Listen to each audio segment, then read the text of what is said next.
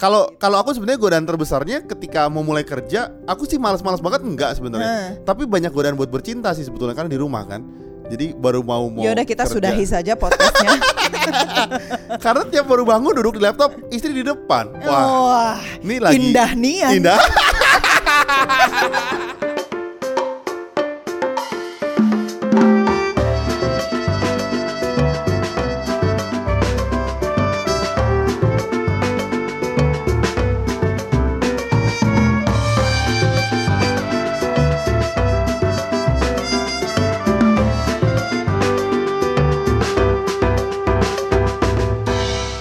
ini kan udah quarantine week ketiga kan? Enggak.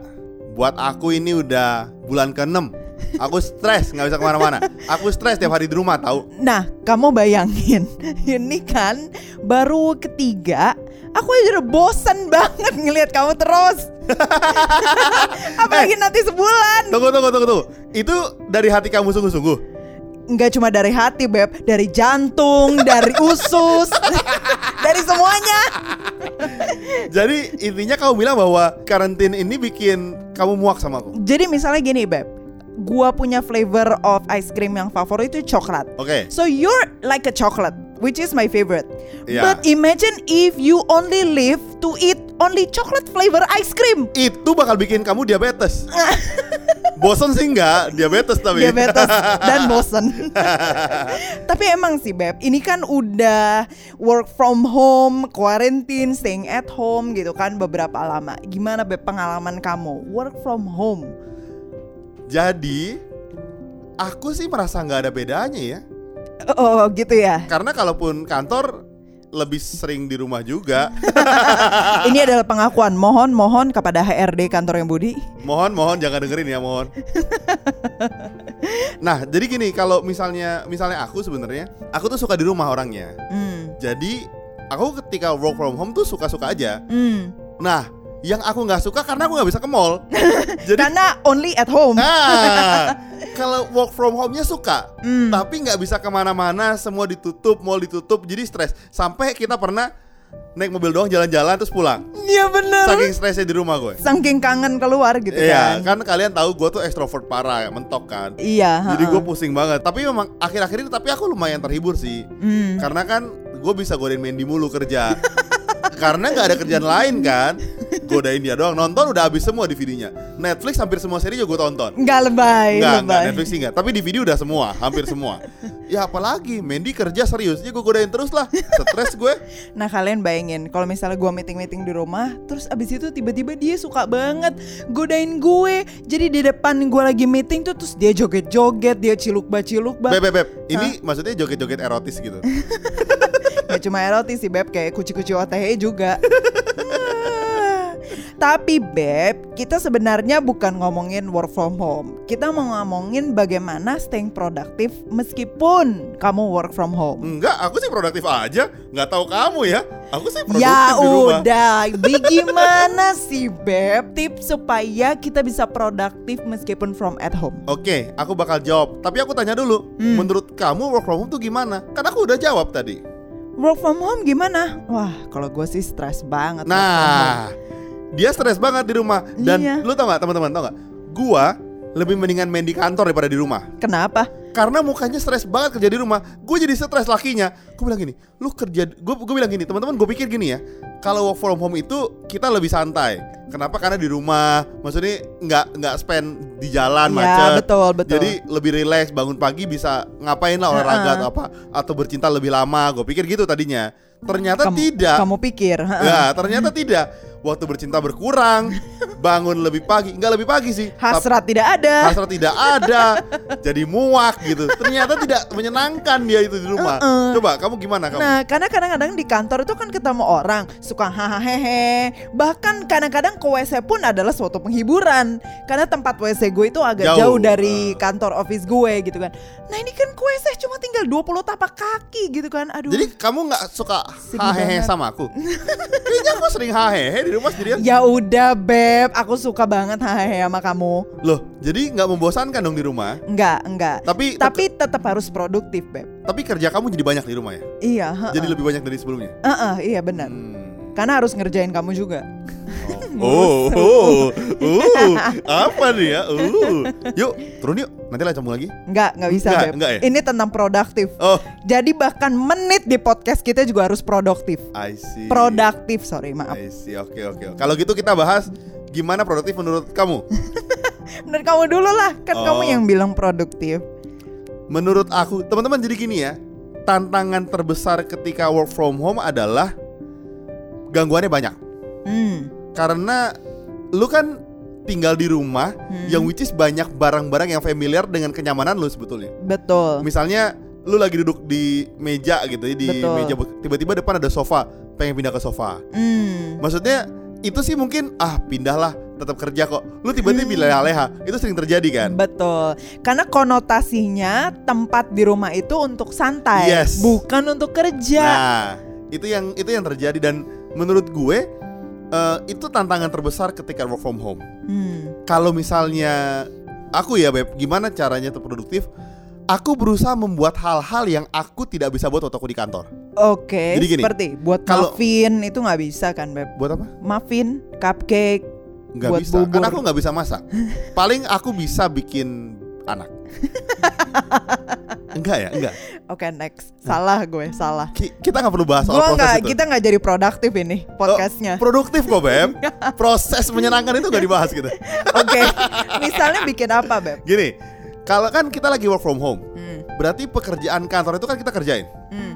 Nah, gua itu ngerjain kerjaan kantor lebih cepet daripada di kantor biasanya. Hmm. Nggak tahu ya, mungkin orang beda-beda ya. Tapi buat gue, gue gini, gue gue bilang Mendy, gue tuh orangnya males. Jadi karena gue males, gue pengen semua pekerjaan gue cepat selesai. Hmm, supaya gue bisa males-malesan. Ya itu kan poinnya. Jadi karena itu gue berusaha mencari cara secepat mungkin supaya pekerjaan gue selesai dan tidak revisi. Ah, Nah karena itu berarti kan gue duduk di sofa gue lagi mikir gimana caranya. Akhirnya studio musik gue yang di lantai tiga gue turunin ke lantai dua. Ah. Jadi gue nggak perlu naik lantai tiga nyain AC siapin nggak. Effort gitu kan. Gue langsung keluar kamar lo olahraga dulu baca buku duduk zet langsung duduk di sofa udah dingin karena kan di ruang tamu kita Hmm. jadi langsung kerja cepet langsung gue kirim Hmm. Abis itu gue menargetkan hal-hal yang tidak pernah gue lakukan. Oke. Jadi gini, gue gue belajar begini. Gue cerita sama teman gue gitu ya. Ini kan pandemi yang seumur hidup gue aja gue belum pernah ngalamin gitu. Nah, ah. Pernah terjadi dulu, even waktu SARS tahun 2001, Ah, ah. Nggak- nggak terlalu ngefek. nggak terlalu ngefek kondisinya sebetulnya. Karena kita belum kerja juga sih, Beb. Eh tapi waktu itu emang nggak nggak separah sekarang beb. Oke. Nah Nggak sampai lockdown gitu. nggak ya? sampai lockdown gitu. Karena sekarang lockdown, temen gue cerita sayang banget kalau lockdown ini waktu kita kita nggak belajar apa-apa. Hmm. Akhirnya gue belajar ngedit video, Hmm. gue belajar Photoshop, terus gue jadi belajar jadi storyteller. Maksud gue hal-hal yang gue tidak pernah lakukan Hmm. dan gue eksperimen sampai pala gue sakit, lebih sakit daripada gue kerjain kantor. Ah. Jadi kerjaan kantor gue sebentar banget, terus gue ngerjain hal-hal yang gue nggak pernah ngerjain. Sampai dua hari gue bikin hal baru itu, pala gue sakit banget karena gila susah banget ya. Gue nyari YouTube bolak-balik bolak-balik, belajar dari Mendy ngedit Photoshop. Akhirnya gue pikir gila ya, dalam dua hari gue bisa mendapat skill baru, even dengan Hmm. capek banget. Itu. Jadi kalau teman-teman tanya menurut gue, lu cari sesuatu yang baru yang nggak pernah lu lakuin. Hmm. Kalau misalnya kantor udah jadi rutinitas lu, karena lu kan menghemat waktu 2 jam 3 jam untuk on the way ke kantor. Betul, sebetulnya. betul, betul. Jadi kalau Dan dua, itu bikin stres bahkan. iya, Jadi sampai rumah pengennya Istirahat, refreshing. refreshing. Sekarang kan nggak ada, nggak ada. ada. Stres itu berkurang. kalau lu manfaatin 2 3 jam itu untuk santai-santai main game malah sayang menurut gue. betul. Jadi jadi menurut gue yang paling penting adalah punya jiwa malas. Lo itu tuh poinnya kan? Enggak ya? enggak, poinnya adalah lu harus ngembangin skill lu. Oh iya iya iya. Pada iya. saat waktu lu lagi banyak gitu Ya, kan. ya, ya, ya, gitu. betul, betul. Jadi kalau teman-teman lihat juga atau suka browsing ya, gue kan kerja di institusi pendidikan dan banyak banget teman-teman gue yang nge-share nge-share tentang eh, Oxford Library gitu lagi membagikan bukunya. Oxford. Iya beb, Oxford. loh yang fraud fraud. Nggak Oxford, my dear. Oke, nah terus? dia itu lagi buk membuka library-nya dengan gratis. Jadi lo see. bisa baca ebook dengan gratis di sepanjang library dia, gitu kan? Atau lo bisa mengaudit course yang gratis di Coursera. Atau lo dengan harga 100.000 ribu sekian aja lo bisa belajar sesuatu di Udemy, gitu Ya kan? ya ya ya. Jadi ya, lu ya, bisa belajar marketing, lu belajar digital web design, apalah gitu dalam mengisi kekosongan yang lu nggak pernah ada sebelumnya. Nah, tapi gue mesti bilang juga mungkin teman-teman mungkin ada beberapa dari antara kita yang pekerjaannya emang dapat fee-nya by project gitu. Betul. Tiba-tiba project lu ke cut misalnya. Mm-mm. Misalnya tapi itu kan nggak ada tuh kemungkinan lu bisa belajar di hal yang free maksudnya. Betul Kalau sekali. Udemy mungkin bayar, tapi ada juga yang free. Coursera juga free Juga untuk free audit gitu. doang ya, Iya. nggak dapat sertifikat. Jadi bahkan menurut gua kalau lu punya akses internet di rumah atau apa, Betul. lu bisa belajar yang lain deh. Benar. Karena kita nggak tahu pandemi ini sampai kapan exactly. dan kita lu masa mau diem-diem aja santai kan nggak. Heeh. hidup kan terus berjalan gitu. Betul. Dan siapa tahu dengan skill baru yang lu punya, lu ternyata punya hobi lain yang menghasilkan justru. Betul, betul. Ya kan, yang kalau kita ya berdua sebagai musisi misalnya, yang tadinya ngajar one on one, sekarang mungkin dengan teknologi kita bisa mengajar secara online misalnya Ya, gitu. Atau kita bisa bikin YouTube how to, kita pokoknya diversifikasi kemampuan kita lah. Nah, Beb, kamu belum cerita. Aku kan udah cerita gimana aku work from Produk- home, ah. produktivitas jadi males. Nah, Kalau kamu gimana? Karena kamu stres banget aku lihat. Aku aja stres lihat kamu ini. Oke. Kalau aku sih karena work from home, jadi kan seakan-akan nggak ada batasan yang jelas antara home dan work. Oke, Iya oke, kan? Karena sense. semuanya di home gitu. Betul, betul. Jadi gue membuat batasan yang jelas yaitu office hour gue. Ketika office hour gue misalnya 9 to 5, ya gue kerjanya dari 9 to 5 aja gitu. Dan for lunch time ya i- ile- eh, 12 to 13 gitu kan. Kalau misalnya let's say oke gue mungkin leha-leha dikit, oke lah jadi 9 to 6 misalnya gitu lebih. Tapi on that time itu gue bener-bener produktif dan gua tidak mencampur kehidupan rumah gua sebelum jam 9 atau setelah jam 6 let's say dengan pekerjaan pekerjaan gue di kantor gitu kan. Itu salah satunya. Terus gimana nih men cara supaya lu produktif sepanjang dari 9 to 5 itu gitu kan pertanyaannya. Kalau aku sih lebih suka buat target. Jadi misalnya hari ini gua mau selesaiin nggak tahu buku misalnya ya. Jadi gua meng- membuat bahan untuk buku solfegio misalnya Oke. karena gua ngajar kecakapan aural musik gitu kan. Oke, jadi target gue sampai halaman segini gua buat ini sama misalnya gua menilai ini sama ini gitu kan. Jadi gua eh, membuat target-target yang membuat gua fokus terhadap target itu instead of fokus terhadap hal-hal lain. Oh, jadi Beb, kamu selama Ini pasti dia mau ngejayus. Enggak, enggak. Jadi kamu selama 9 to 5 itu emang fokus banget buat kantor. Berarti beda sama aku dong mindsetnya. Berarti memang kantor banget kayak like pokoknya misalnya gini, kadang-kadang orang suka gini ya. Di kantor tuh kan tanda kutip ada yang jagain, Hmm. ada orang yang bos Betul, kita. akuntabilitasnya Iya, lebih terlihat. kalau di rumah kan lebih santai nggak ada yang ngeliatin. Betul. Berarti kamu tetap menjaga integritas kamu berarti. Harus lah Beb Luar biasa, Harus Beb Kalau nggak kayak gitu Gimana kita memberi contoh buat pasangan kita Nah ini sebenarnya Eh tunggu tunggu tunggu tunggu tunggu tunggu tunggu tunggu. wait, gue belum selesai. Jadi kan dari misalnya menjaga integritas kita, pasti mau nggak mau, otomatis maupun tidak otomatis itu akan mempengaruhi pasangan kita. Misalnya Beb, silakan lanjutkan. Enggak, aku Ini masih- nggak ada skripnya, cuma gue udah tahu lu pasti mau ngomong. eh, bukan. Maksud aku begini, maksud aku begini. Eh, gini teman-teman, kalau kalian dengar emang gue sama ini agak beda. Point Oh, of beda banget. Point of view bekerjanya dan point of view untuk gimana cara nyelesain pekerjaan. Uh-uh, Gua akan menyelesaikan pekerjaan gue secepat mungkin uh-uh. dan serapi mungkin dan sebenar mungkin. Hmm, Jadi kalau misalnya punya 9 to 5, gue bisa kerjain 9 to 10, ya gue tidak akan bilang-bilang gue bikin 9 to 10. Nih dong, gue akan cari lain buat hal yang lain kan. M- Mungkin kan agak beda. Gue nggak tahu kalau media, tapi buat gue begini. Produktif artinya lu mengerjakan sesuatu dengan tanggung jawab penuh. betul. Setelah itu, lu bisa bikin apa pun yang mengembangkan ide-ide dan kreativitas lu. Of course. Nah, kalau buat gua karena gua malas dan Mandy kan beda ya. karena waktu dulu kita kuliah juga sama. Dia nih anak rajin banget. yang setiap hari di depan duduknya gitu kan. Enggak juga, Catatan tengah lah, rapi. tengah. Catatan Terus rapi iyalah. Kalau mau ujian kita minjem catatannya fotokopi satu Iya, kelas. bener. Sekretaris kelas gue. Nah, kalau gua kan tipe yang nggak pernah nyatet, yang fotokopian punya gue. fotokopi punya Mandy atau kalau nyatet pakai zoom taruh di depan rekamin suaranya aja terus dengerin ulang. Jadi itu membentuk gue bekerja dengan cara begitu.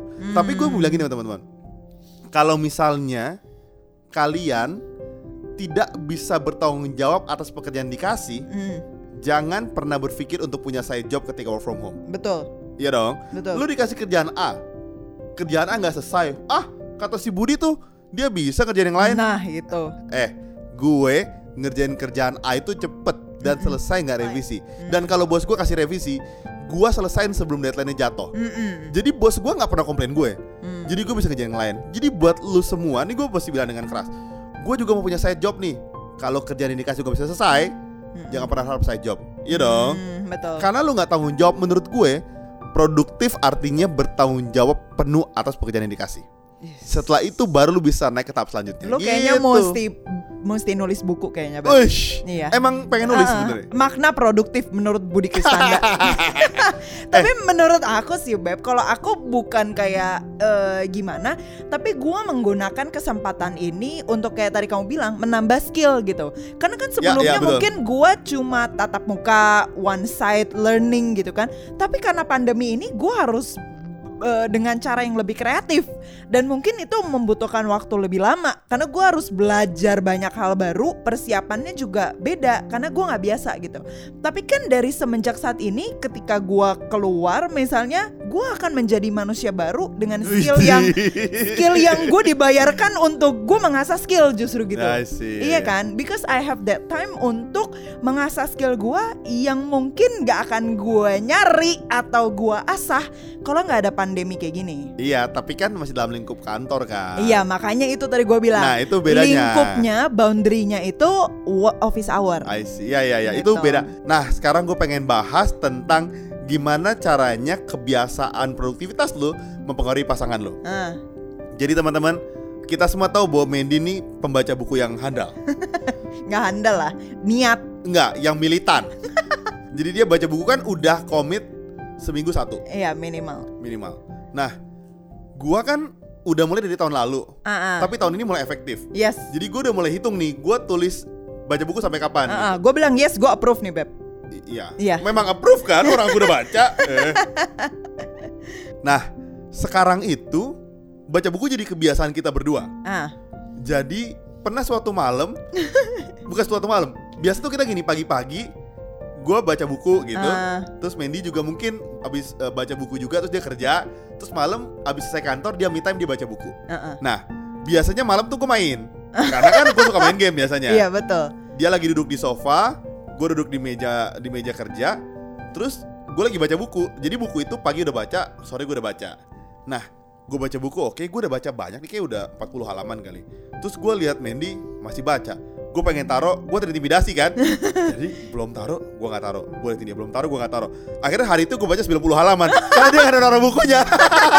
Karena nggak mau kalah Iya karena gak mau kalah Jadi jiwa-jiwa itu akhirnya muncul Dan sekarang Gue harus bilang teman-teman Gue rate baca gue tuh satu buku sekitar 11 sampai 12 hari Nah Nah buku terakhir yang gue baca ini 6 hari Terus Wow gue bilang ini kan Kita baca buku yang sama Beb aku baca buku ini 6 hari Terus dia bilang gini Iya aku baca kemarin sehari. Gue jadi kesel kan? Gue udah effort sekarang bisa baca di bawah seminggu. Dia sehari bacanya. Kan sebagai laki-laki jiwa kompetisi kita semakin menggebu-gebu kan? Gue semakin tidak tahan Gue bilang wah tidak bisa Nggak ini. bisa nih. Tidak bisa ini. Kacau. Gue udah baca maksimal Udah ngikutin dia workflow-nya. Gue seminggu, lima hari, dia sehari bacanya. Gue bilang gak bisa ini gak bisa. Tapi gue agak sedikit bangga sih sebenarnya sama suami gue. Oh, iya, karena maksudnya gini meskipun dia misalnya office hour 9 to 5 dia kerjanya cuma perlu let's say satu setengah sampai dua jam ya maksimal tiga jam lah plus Ya, ya. revisi gitu ya. Tapi dia terus nggak nggak apa nggak males-malesan. Ush. Dia tetap bisa belajar istilahnya ya meskipun nggak kerja tapi kamu juga belajar which is good karena eh, ketika employee lo itu eh, naikin skill kita punya perusahaan juga makin bagus Yoi, yoi. gitu kan nah mungkin yang bisa aku tanya beb gimana sih caranya supaya instead of dari sisa office hour lu 5 jam itu kamu males-malesan nonton Netflix atau main game kenapa sih kok kamu punya mindset untuk mau belajar terus Beb, gini. Kan yang bikin aku mau belajar terus itu kan motivasi. Mm-mm. Yang bikin orang termotivasi itu cuman ada dua. Mm. Satu, dia mau keluar dari masa lalu dia. Mm. Dua, dia ingin menggapai masa depan dia. Oke. Yang berbeda. Yang Yang oh, lebih baik tentunya. yang pertama itu nggak selalu mengefek yang kedua ya. Keluar dari masa lalu bukan karena dia ingin masa depan ya, tapi Oh. cuma keluar doang. Bi- bisa aja masa lalu dia tuh baik-baik aja. Ah, bisa Ketika aja hidup- sebab akibat. Enggak, misalnya gini. Dia hidup di masa lalu dia yang keluarganya oke, Uh-uh. finansial cukup, tapi dia punya goal ke depan yang dia mau achieve. Oh, bukan karena keluar dari masa lalu. Oke, jadi nggak selalu sebab Nggak selalu. akibat. Bisa juga masa lalu dia berat, Hmm. sehingga dia nggak mau lagi ngulang masa lalu dia. Oke. Nah, jadi kalau misalnya pertanyaannya kenapa gue nggak berhenti belajar termotivasi? Mm-mm. Karena ada yang mau gue hindari di masa lalu gue. Mm. Dulu hidup gue tidak terlalu finansial gue cukup, Mm. sehingga gue tahu keluarga gue berat sekali buat lakuin itu. Mm. Makanya gue pengen belajar ketika nanti gue punya anak-anak, gue pengen hidup gue nggak seperti keluarga gue yang dulu. Mm. Mm. Nah, itu menurut gue. Jadi kalau kamu tanya, kenapa gue bisa termotivasi sekalipun office hour udah beres nih? Mm. Kan lu bisa santai sebenarnya. Mm-mm, Udah mm-mm. beres kerjaannya. Bener, bisa lebih banyak nonton seri Iya. drama Korea misalnya. Mungkin gua enggak, tapi gue suka main game Iya, atau gue bisa exactly. bisa santai, bisa Uh-uh. ngapain. Oh enggak, karena gua tahu ada yang mau gue hindari dari masa lalu gue. Oke. Menurut aku gitu. Yang kedua, apa? Yang kedua, ada masa depan juga yang mau aku achieve sebetulnya. Oke. Jadi kan misalnya aku sekarang kerja eh, di kantor, terus misalnya aku juga bikin podcast, bikin storyteller, emang ada di depan goal yang aku mau capai lebih dari sekedar Hmm. bekerja di kantor gitu. Hmm. I'm not saying bekerja di kantor buruk, Hmm. karena otomatis itu finansial mensupport kita Betul, dan betul. gua melakukan itu dengan sangat baik tanggung jawab gue. Betul. Tapi gue tahu ada hal lebih yang mungkin gua nggak bisa achieve di kantor gue. Hmm, Gitu. Oke, karena mungkin untuk eh, alasan pertama, nggak semua orang punya masa lalu yang mau dihindari. Setuju, karena kan betul. dia tidak bisa memilih dia lahir di mana ataupun benar. masa lalu dia kayak gimana Betul. gitu kan. Jadi eh, untuk kamu sendiri, gimana caranya supaya punya sesuatu yang dituju? Ya jawabannya simple, pengen punya hidup yang lebih baik. Oke. Kalau misalnya misalnya sekarang misalnya ditanya gini. Kalau aku mesti cerita dikit ya. Dulu waktu aku kecil 5 SD udah pindah ke karena bangkrut orang tua pindah ke rumah komplek perumahan lain kerja dari nol Uh-uh. jualan bubur jualan gerobak diusir satpam itu kan Jualan gerobak? eh jualan bubur di gerobak Oh, Ah. kirain jualan gerobak. jualan bubur terus dorong dorong udah SD tuh udah malu terus Hmm. diusir satpam udah ibu pergi dari sini jangan saya masih makan nggak bisa nanti semua orang jualan itu kan pengalaman yang membekas yang orang tidak bisa Hmm, lupa masa Oke, lalunya. oke, make sense. sehingga kan ketika sekarang gue pengen ketika nanti gue punya anak-anak gue pengen ngabisin waktu sama anak-anak gue Hmm. dulu aku ngerasain orang tua kerja keras menyesal sih enggak tapi ngerasain dulu kenapa sih beda karena orang tua masih kerja memahami kondisi susah Oke. nanti kalau punya anak gue mau gue besar sama anak gue dia tahu papanya di rumah. Itu sih sebenarnya yang ngedrive aku. Oh, oh. Jadi mungkin buat orang-orang di luar sana yang mendengar kita yang punya pasangan mungkin banyak males-malesan sekarang, mungkin. Eh, eh, share podcast kita. mungkin. Oh balik ke situ lagi balik ke situ lagi. Enggak lah. Tapi menurut gue motivasi orang tuh beda-beda sebenarnya. Jadi gue gua nggak bisa bilang apa yang jadi motivasi gue jadi Ya. motivasi lo Exactly. iya kan Benar. sangat sangat beda aja gitu Benar, cuma lu harus punya growth mindset untuk mau keluar dari situasi lo yang dari sekarang. Yes. Bukan keluar melarikan diri ya, tapi punya masa depan yang lebih baik. Iya, atau lu at Gitu. least punya growth mindset tuh bertumbuh terus gitu. Jangan bilang gini, aduh, gua nih orang manajemen. Jadi emang kerjaan gua manajemen nih. Gua Hmm. kerja di perusahaan lo. Enggak, lu bisa bikin produk, bisa jualan karena lu punya kemampuannya. Betul. Atau lu marketing. Gua jualan doang nih nggak punya produksi. Loh, Nah. justru lu bisa produksi barang, lu bisa marketingin gitu betul. maksudnya. Atau marketingin diri lu sendiri yang Yes, punya skill betul. marketing gitu kan. Bagus juga ya. Eh, Iya, benar, iya benar, dong benar, Beb. benar, benar. Nah mungkin kamu eh, ngomong-ngomong soal buku yang tadi eh, kan kita ngomongin tentang Atomic Habit. productivity, Yes. iya kan? Kita baru baca, ya siapa tahu eh, Gramedia mau eh, kita mau Promoin kita. promoin kita, Kita gitu sering kan. beli buku di Gramedia loh. Iya, Hampir please. setiap minggu loh kita beli buku. Iya, dan kita tag mereka. Oke, anyway, mungkin ada hal yang mau kamu share tentang buku ini, Beb. Yang Oke. berkesan banget. Nah, Beb, Hmm. aku mau bagian ini sebenarnya. Menurut aku ini paling penting gitu. Mm-mm. Ketika misalnya kita ngerjain sesuatu yang lain gitu ya, Mm-mm. Pasti ada rasanya capek. Mm-mm. Ada rasanya eh, males gitu. Of ada course. rasanya kurang motivasi sebetulnya. Betul. Tapi ada satu hal yang menarik dari buku ini. Mm-mm. Jadi sebenarnya orang yang sukses, aku sih belum sukses sebetulnya. Mm-mm. Dan orang yang biasa aja Mm-mm. atau orang yang mungkin pernah gagal ngerasain kurangnya motivasi sama Hmm. semua orang lain. Hmm. Jadi nggak cuman mereka, kita juga, aku juga kadang-kadang males gitu. Uh, Capek. Misalnya bayangin ya, abis ngerjain kerjaan kantor, terus aku kan pernah ada ngajar, pernah ada apa, pulang masih bikin. Kadang-kadang Hmm. capek banget. Pernah Hmm. sih bilang, males gue, udahlah normal aja hidupnya gitu loh. Hmm, pernah mikir untuk hidup normal aja. Iya, heeh. stay the same lah. Iya. Gitu kan. Ya udah. Terus dibilang gini. "Em, orang yang sukses juga merasakan kurangnya motivasi seperti semua orang. Bedanya, mereka masih mencari cara untuk tetap berlatih sekalipun mereka merasa bosan. Hmm. Kita kan pasti pernah bosan. Of course. Jadi bedanya kita sama orang profesional atau apa pun, mereka kalau bosan mereka nggak berhenti. Mereka coba nyari cara lain untuk bisa Hmm. terus mengerjakan sekalipun bosan. Itu sih. Betul. Untuk berubah, untuk bisa lebih baik, mengerjakan sesuatu lebih baik. Ya, ya. Oke. Kalau kamu, kamu ada nggak? Kalau aku ada satu hal yang eh, mungkin dulu secara tidak sadar aku melakukan ini. I see. Tapi setelah baca buku ini, aku jadi makin merasa, oke, I think this is more effective. Dan salah satu bab yang merema banget buat aku adalah tentang membuat segala sesuatu itu lebih mudah. Jadi aku inget dia ada satu contoh mengenai mm, seorang dancer dan koreografer terkenal yang tinggal di New York. Dia tuh punya kebiasaan tiap pagi itu bangun, memanggil taksi Iya, iya, gitu kan iya, untuk iya. pergi ke sebuah gym, kemudian olahraga dua jam di sana, kemudian balik. Pulang ya. Terus ditanya kebiasaan kamu itu eh, bagus banget Yang gitu ke kan? gym itu kan? Nah, eh, Iya. nah ternyata rutinitas dia itu sebenarnya hanya sampai dia bilang ke tukang taksi, untuk mengantar dia ke gym. Ya. Jadi poinnya adalah instead of mikir, aduh gue harus nge-gym 2 jam hari ini. Itu kan kayak berat Ya, banget ya, gitu, ya. gila 2 jam effortnya bangun jam 4 pagi gitu kan. Nggak, lu mikir aja, lu cuma ganti baju Pesen dan taksi. pesen taksi. Itu doang. Ya. As simple as that. Betul. Jadi by the time lu udah pasen taksi, lu nggak bisa balik lagi. Betul, gitu. betul, betul. Jadi mungkin ini bisa jadi tips dan trik kalian semua kalau lagi males. Misalnya berolahraga Kan sekarang kalau lagi pandemi gini kan Orang-orang bilang makan sehat Olahraga, ya. Jangan mikir lu berolahraga Jangan, 5 jangan. km hari Jangan, ini. Enggak, lu mikir gue cuma akan mengikat tali sepatu olahraga gue gitu Ya, ya, ya, cuma ya, ya, to ya, that ya, point ya. doang jadi lu meng- lu bangun tidur lu ganti baju uh, olahraga cuma untuk ngikat tali sepatu by the time lu ngikat tali sepatu Lu udah lu nggak punya nggak pilihan lain balik mundur. lagi. Ya, betul. Meskipun lu pada akhirnya ya lu cuma jalan doang 20 menit setengah jam gitu. Tapi lu nggak akan balik lagi Betul, cuy. betul, Wong betul. lu udah effort banget Betul, gitu kan.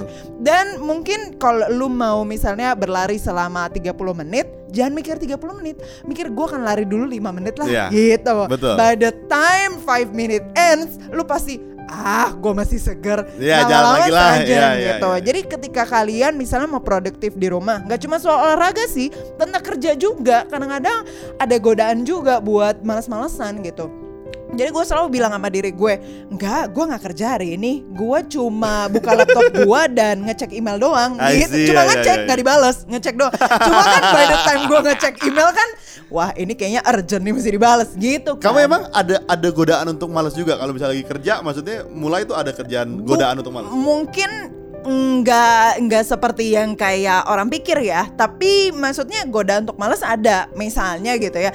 Eh, jalan-jalan di rumah gitu kan. Terus membuat segala sesuatu jadi lebih lama. Yang mestinya iya, iya, cuma iya, iya, iya. lima menit cuma jadi setengah jam. Karena gue akhirnya keterusan nyari apa bahan-bahan mengajar dari tempat lain yang yang terlalu jauh gitu kan. Kalau Gitu. kalau aku sebenarnya godaan terbesarnya ketika mau mulai kerja, aku sih malas-malas banget. Enggak sebenarnya. Tapi banyak godaan buat bercinta sih sebetulnya kan di rumah kan. Jadi baru mau mau Yaudah kita kerja. sudahi saja podcastnya Karena tiap baru bangun duduk di laptop, istri di depan. Wah, Wah, ini lagi indah nian. Indah.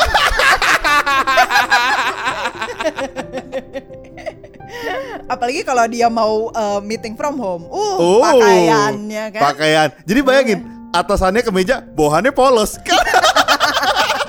Bawahannya celana pantai. Ini podcast apa sih sebenarnya? iya nggak tahu nih, Aku bingung ini gawat ini Uh, sebetulnya. Iya. Ada yang mau ditambahin lagi nggak, Beb? Enggak, tapi aku cuma bilang teman-teman, manfaatkan pandemi ini semaksimal mungkin. Betul. Karena- Bukan manfaatkan terus lu eh, manfaatkan sakit gitu. Iya, bu- bukan. Maksud gue kalau dalam kondisi bisa work from home, kita tahu sih ada pendengar yang tidak bisa. Betul. Ada yang mereka tetap masih seperti DM juga. Kamu gimana? Iya kak, saya masih masuk kantor nih. Ada yang masuk Hmm, kantor.